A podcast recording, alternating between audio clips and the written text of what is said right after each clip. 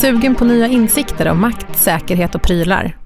Varmt välkommen till Med sikte på, en podd om olika pusselbitar i skyddet av det svenska samhället.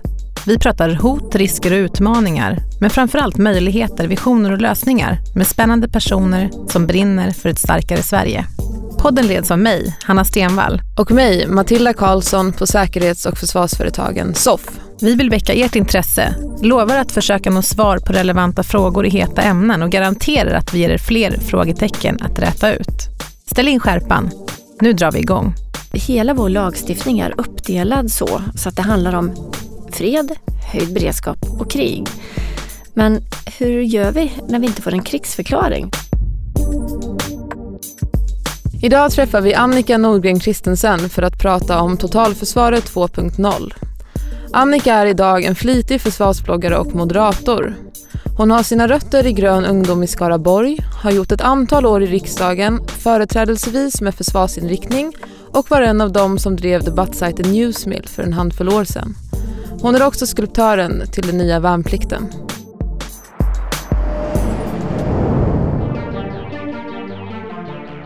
Välkommen Annika! Tusen tack! Idag ska vi prata om Sveriges förmåga och oförmåga. Vi kan väl börja med, vad står vi idag kopplat till just Sveriges förmåga? Det är betydligt bättre i vissa avseenden än vad det var för några få år sedan bara. Särskilt om vi tittar på totalförsvaret, för det har ju alldeles nyss egentligen eh, börjat återupptas, planeringen för det. Eh, så på det sättet så har det hänt en hel del som går i rätt riktning.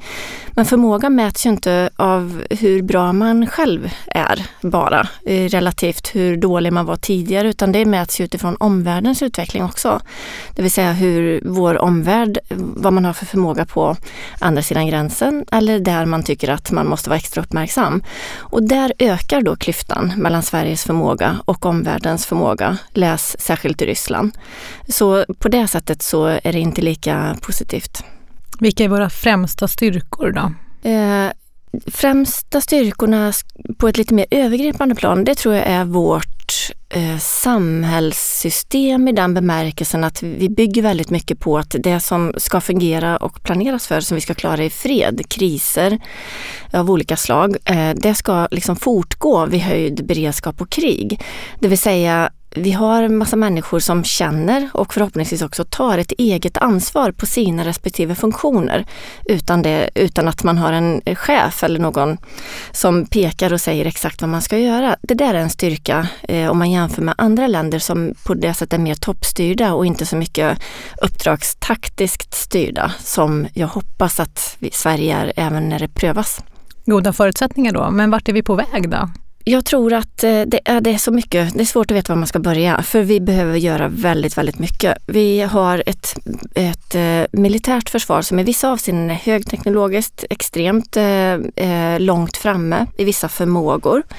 Eh, I andra avseenden och lite mer generellt så är det väldigt tunt när, när det gäller till exempel sånt som uthållighet. Om vi utsätts för omfattande och systematiska kränkningar till exempel. Om vi bortser från just krigsscenariot i första hand utan tänker på om, om någon testar Sveriges uthållighet genom att omfattande kränka Sveriges gränser över tid. Då nöter vi ner oss eh, själva och vår förmåga väldigt eh, snabbt tyvärr. Så det beror, det beror hela tiden på vilken förmåga man tittar på. Men allra helst ska man befinna sig på lite mer övergripande nivå och titta på systemet. Och då menar jag både det civila och militära försvaret. Så hur skulle du definiera totalförsvaret?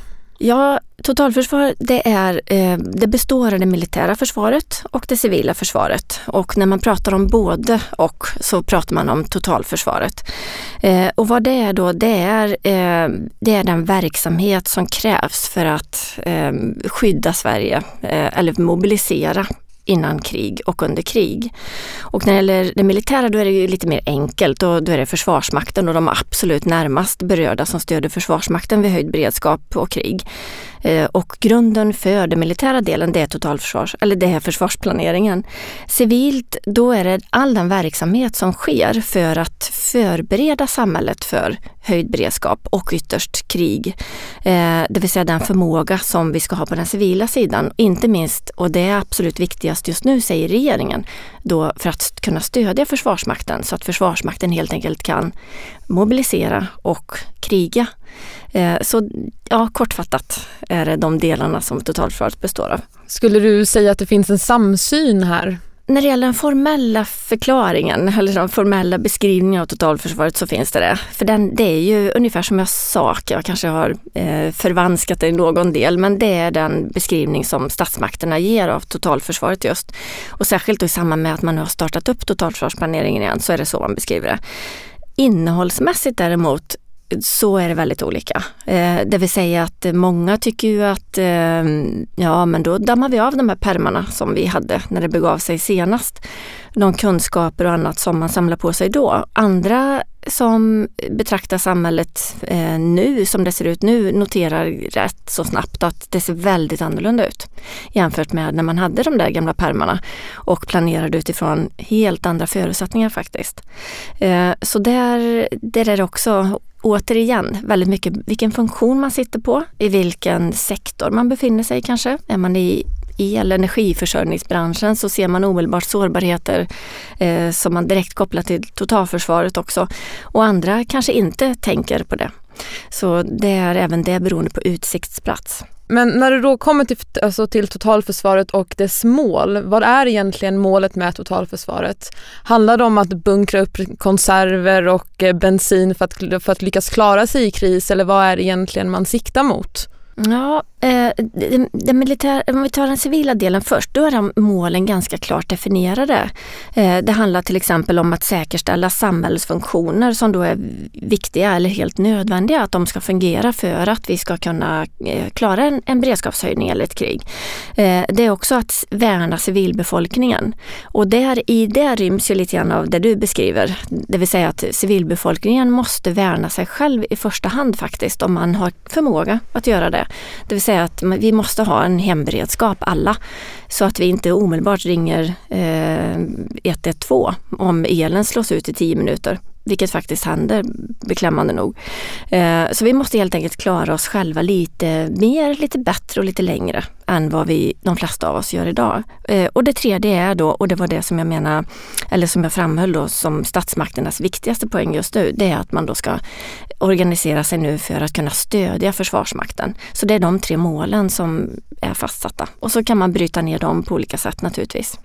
Och för att nå de här målen, då, vilka är de viktigaste pusselbitarna som måste till nu för att vi ska kunna bygga det här totalförsvaret 2.0? För precis som du säger så är det inte samma förutsättningar som det var förra gången.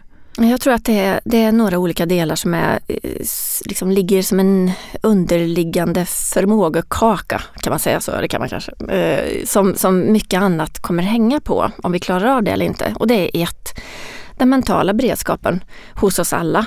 Det vill säga att, ehm, att vi har en förberedelse som leder till att vi vidtar lite åtgärder och det behöver inte vara så himla stora omfattande åtgärder men bara att höja sin egen robusthet, uthållighet, det, det gör väldigt mycket för samhället som helhet. Då behöver inte eh, samhällsfunktionerna upptas av många av oss som är starka och friska och fullt kapabla egentligen att ta vara på oss själva lite bättre och hjälpa andra.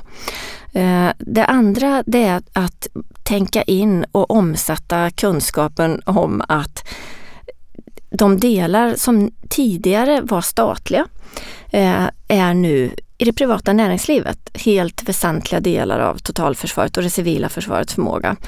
Ehm, och bara att, att förstå det på riktigt så att säga kräver ju då att man involverar det privata näringslivet på ett helt annat sätt också då i totalförsvarsplaneringen eh, och i de förberedelser som behöver göras. Och sen är det pengar, det kommer man aldrig ifrån. Eh, hittills fram tills i våras så har allt det här som man har sagt att man ska göra nu för totalförsvarsplaneringen och det civila försvaret, det har inte kommit några extra pengar för det. Det innebär att eh, på länsstyrelser och annat så har samma personer som har gjort annat helt enkelt fått disponera om sin tid. Men nu när man ska växla upp så här mycket som faktiskt regeringen tycker och oppositionen också tycker krävs eh, så har det nu kommit lite pengar eh, i våras i samband med vårändringsbudgeten. Men detta måste ju fortsätta för utan pengar så är det som med allting annat. Då, då är det retorik kontra en uppblåst ballong av luft. Jag vill gärna koppla till det som du sa också om, om företagens roll. Vilken är företagens roll när vi pratar totalförsvar? För det är lätt att man pratar om, om, eh, om, om eh, det militära försvaret och det civila försvaret. Men man glömmer lite grann att prata om näringslivet som du nämner här. Mm. Ja, dels är det ju det, det omedelbara och det alla tänker på i första hand. Det är självklart, det är ju försvarsindustrin kopplat till det militära försvarets förmåga. Men där har vi också en hel bransch som, som är involverad i samhällssäkerhet som vi inte får glömma bort. För totalförsvaret och höjd beredskap, de delarna, eller momenten, eh, de bygger på krisberedskapsförmågan och där har vi mycket näringsliv inne och det kan vara allt från trafikövervakning, ja det finns många högteknologiska system där. Men men också som jag nämnde, för att ta något exempel, ehm, det energibolaget som inte längre är kommunalt till exempel, utan privat. Där eh, går ju till exempel Säkerhetspolisen ut och tydligt har varnat för eh, olika typer av infiltration, sabotageverksamhet, det vill säga att man kanske har en underleverantör eller så som går in och ska modifiera, uppgradera eh, mjukvarusystem och så. Vem är det? Vilka intressen är det? Vad planteras in? Hela den biten, för att ta det lite kort, kortfattat bara, eh, det är ju också självklara kopplingar till Eh, en höjd robusthet i samhället och en ökad förmåga som också naturligtvis apropå att civilt försvar eh, skall ska säkerställa samhällets funktioner är helt oundgängligt att involvera. Man försöker ju utbilda eh, på den civila sidan och så men det, det finns mycket mer att göra och då krävs resurser. Resurser krävs. Finns det fällor vi måste akta oss för att falla i när vi håller på med den här uppbyggnadsfasen? Man ja. pratar väldigt mycket om, om just de militära målen och finns det en risk i att man begränsar sig till att prata om just eh, väpnade angrepp till exempel? Det, det tror jag att det gör eftersom det blir kanske på många sätt fortfarande det mest tydliga. Då, då känns det som att det finns någon slags maskineri som går igång automatiskt och det gör det ju.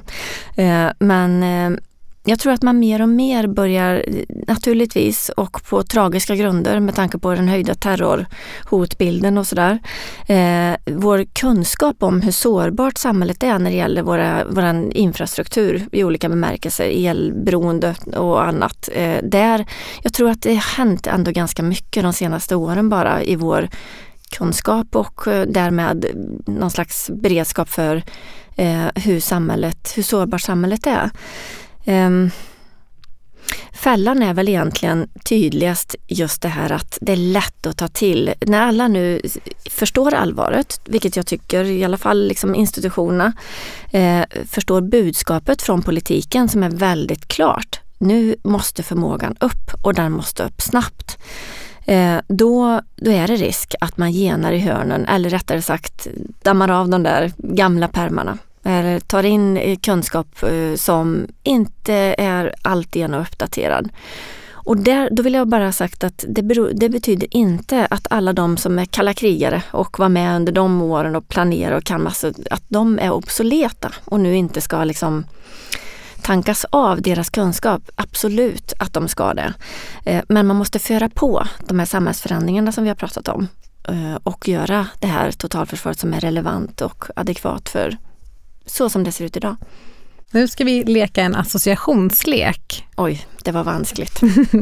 du får ett ord och du säger det första ord eller den första mening som du kommer på.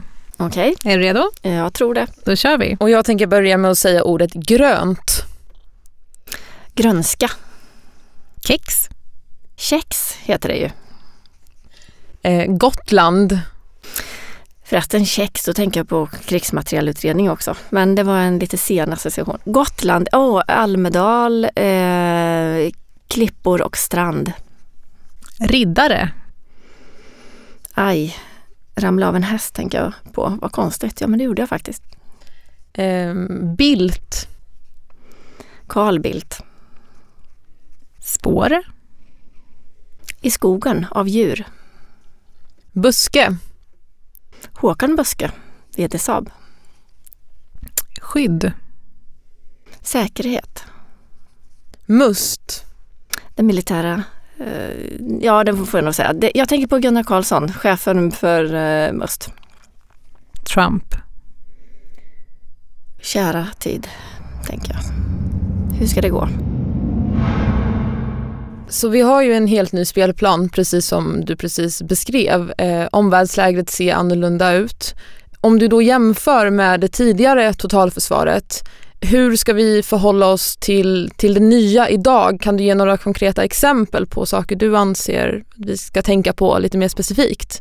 Jag tror att det tidigare, eh, i allt elände kring kalla kriget och den bedrövliga, liksom det tunga kärnvapenhotet som vilade över oss på olika väldigt liksom konkreta och påtagliga sätt. Vi fick veta i skolan hur vi skulle göra och det stod i telefonkatalogen och alltihopa där. Eh, om kriget kommer delades ut och så. Eh, då har vi en helt annan och mycket mer oförutsägbar eh, läge idag. Det vill säga att det är inte så tydligt riktigt just exakt vad vi planerar för. Eh, och där gör den här gråzonsproblematiken som man ibland hör att man talar om, eller att vi talar om som håller på med de här frågorna. Eh, det betyder ju då att det, det kommer, vi ser exempel de senaste årens konflikter, inte minst i Ukraina och Krim. Hur började eh, den här annekteringen av Krim? Ja, det var vi är lite van vid att kalla det små gröna män som dök upp utan uniformsbeteckningar, utan en landmarkör. Eh, vad var detta? Är det, är, vi, är, vi, är det ett krig som pågår? Och förnekbarheten i detta? Nej, det är inget krig som pågår. Det är odefinierbara grupper som organiserar sig på olika sätt. Och jag försöker liksom bara eh, ge en bild av just den här problematiken när hela vår lagstiftning är uppdelad så, så att det handlar om fred, höjd beredskap och krig. Men hur gör vi när vi inte får en krigsförklaring? Så vi, det där maskineriet och regelverken och sånt blir tydliga och, och går igång med ett knapptryck från regeringen att nu mobiliserar vi eh, helt eller delvis totalförsvaret. Eh, där, där är någonting som jag vill fästa uppmärksamheten på. Och där är, säger man från många olika håll nu, lagstiftningen faktiskt ganska obsolet. Finland för att ta exempel har till exempel undantagstillstånd eh, som ett mellansteg som man kan då använda i den här gråzonsproblematiken. Som också är till hjälp kanske då för hur man ska samverka mellan militära och, och polisiära myndigheter och så. Är det någonting som du tänker att Sverige också skulle behöva ha, det här med alltså undantagstillstånd eller något liknande eller kan vi gå på det hållet eller vad tror du? Jag tror att det kommer att bli så, men det är en sån oerhört omfattande lagstiftningsprocess för att komma fram till hur, hur eh, lagar och förordningar skulle se ut. Så jag tror att de, många kanske inte resignerar, det får vi aldrig göra, men i alla fall tänker oj vilket stort arbete och det tar många år, för det gör det nämligen, om man ska titta över det. Men försvarsberedningen har sagt tidigare tidigare och kommer säkert säga igen i deras delrapport i december som kommer handla om totalförsvaret att det är nödvändigt att se över svensk lagstiftning just för att den är så digital. Fred och krig. Eh, men vi har ju ett helt spann däremellan nu där vi ser faktiskt att det är det samhället behöver klara av. Och vi har inte bara en förändrad omvärld utan vi har också teknik och digitalisering som har exploderat. Hur skulle du säga att det påverkar totalförsvaret och den planeringen som nu görs? Nästan allt Eh, och helt och hållet. Väldigt genomgripande. Eh, men därmed så tror jag också även där då att man får påminna om att man inte bara ska befinna sig i den digitala världen. För vi ser också, inte minst eh, igen eh, då eh, på den här, liksom, vilken hotbild vi har och så. Det är en mix av människor som tar död på varandra med stora knivar och skjutvapen och eh, de högteknologiska cyberattackerna som pågår hela tiden mot vårt land. Vilket för övrigt eh, eh den militära och civila underrättelse och säkerhetstjänsterna på ett sätt som jag inte under de här 25 åren jag har varit med har uttalat lika tydligt och till och med också då ibland varifrån de här angreppen kommer. Eh, så att man får inte, det, vad jag försöker säga det är att det är inte antingen eller utan det är extremt lågteknologisk förmåga vi också behöver bygga upp. Livsmedelsförsörjning. Ska vi odla på ett annat sätt? Eh, eller hur beroende ska vi vara av att flödena fungerar på köl i Göteborgs hamn och vidare in i Sverige och uppe i, i Norden och Norge inte minst. Så att både och. Så totalförsvaret är, skulle man kunna säga att det vi, det vi ser nu som kommer utvecklas, det blir ett totalförsvar 2.0. Men kan man egentligen fortfarande kalla det för totalförsvar eller skulle du säga att det är en, eh, det är en term som är utdöd eller kommer vi, skulle vi behöva kalla det något annat eller vad, vad tycker du? Det kanske eh, skulle vara ett pedagogiskt grepp att kalla det någonting annat med tanke på att man då kommer ifrån det här eh, muskelminnet som greppar efter den där gamla permen som jag var inne på förut. Eh, men å andra sidan så, jag vet inte om det alltid är nödvändigt att ändra begrepp utan Eh, om, man, om, man, om det är till någon hjälp för att komma snabbare fram utifrån de lagar och förordningar vi har som då återigen behöver modifieras om man då har kvar begreppet. Ja, Visst, huvudsaken är att det händer saker och att det händer ganska snabbt tycker jag. Men, men som sagt, som pedagogiskt grepp att man skulle kalla det samhällsförsvar eller något annat. Visst, det kan vara eh, relevant. Eh, men där har jag väl också en av mina brasklappar då möjligen att det, då får man då inte tappa den militära delen. För då är det risk att man fördjupar sig så mycket i att prata just samhällsförsvar och hamnar i det digitala i, eller i basfunktioner så att man inte har det fokus på det militära försvaret. Då får vi liksom ett omvänt problem och det vill jag inte se heller. Kan vi säga några ord, tänker jag bara om just, vi pratar om gråzon som är ett buzzword som du säger i vår värld. För den som inte är en del av den här världen kanske på det sättet, säga någonting om det, vilka delar i den här gråzonen, dels vad den faktiskt innebär och också vilka delar som då kanske är mest relevanta när vi nu håller på att prata totalförsvar just. Ja, det är då det som inte omedelbart kan definieras som en krigsförklaring eller en handling eller en höjd beredskapshöjning på grund av ett omedelbart förestående väpnat angrepp eller militärt hot. Eh, det vill säga att eh, vi förstår att det är en, en, någonting som vill vårt samhälle, eh, delar av eller hela något ont, en antagonist bakom olika saker som uppträder. Ja, det, det är svårt att så här liksom snabbt att ringa in kanske på ett tydligt sätt men Eh, sånt då som man inte, man kanske står brydd i, är detta en militär fråga eller en polisiär sak att hantera? Och som det är nu så ryms det mesta i gråzonsproblematiken i, i polismyndigheterna och så kan man få stöd av Försvarsmakten. Eh, jag tror en viktig sak i detta det är det politiska beslutsfattandet. Alldeles oavsett hur lagstiftningen ser ut. Det vill säga att man då har beslutsförmåga att snabbt få en gemensam lägesbild som då gärna, eller helt nödvändigt egentligen, ska vara då gemensam för våra säkerhetstjänster och för det militära och för den civila delen av samhället. Eh, och att man då förmår att ta de beslut som vidtas, eller som behöver vidtas från den politiska sidan för att jacka ihop de systemen så gott det går. Och det har också många sagt, och det har vi hört många gånger under årens lopp, att nu måste polisen och Försvarsmakten kunna samverka bättre gemensamt. Och man jobbar på det. Man har förmågor gemensamt nu på ett annat sätt än tidigare också. Men för att just göra klart det där hur man ska hantera ett sådant läge. Eh, till exempel när eh, man får omfattande sabotageverksamhet med personer som man tror men inte vet är kopplade till en annan stat och kanske en annan stats militära delar. Så ska vi avsluta med det. Om du får önska en sak som politiken löste ut, vad skulle det vara? Oj, oj, oj. Eh, ja, det är verkligen, det säger man ju alltid, för det är svårt eh, sådär, att, att ta något absolut mest viktigt. Men jag skulle nog ändå säga då, eh, ja, jag skulle säga lagstiftningen, där vi har pratat om just att den är eh, uh, alltför digital som den ser ut nu. Eh, men det är det långa perspektivet, för det trollar man inte fram och bör heller inte göra det. För det är många jätteviktiga avvägningar i en sån process. Den snabba pucken i den delen då, det måste då vara resurser pengar, pengar, pengar för att investera i det här. I vilken del framförallt? Eh, det militära försvaret är underfinansierat utifrån vad vi har lagt för politisk ambitionsnivå. Så är det. Så där behövs det absolut pengar. Eh, men och, som vi var inne på lite grann tidigare, det har kommit en liten rännil till totalförsvarsplanering och civilt försvar. Det måste definitivt upp. För här har, här har vi ytterligare då ett område, precis som det var och är på den militära sidan, där retoriken och allvaret inskäms, inskärps men pengarna följer inte än så länge med. Då säger vi tack så mycket för idag Annika. Tusen tack för att jag fick vara med. Tack så jättemycket. Det var ett rent nöje. Härligt. Tack ska ni ha.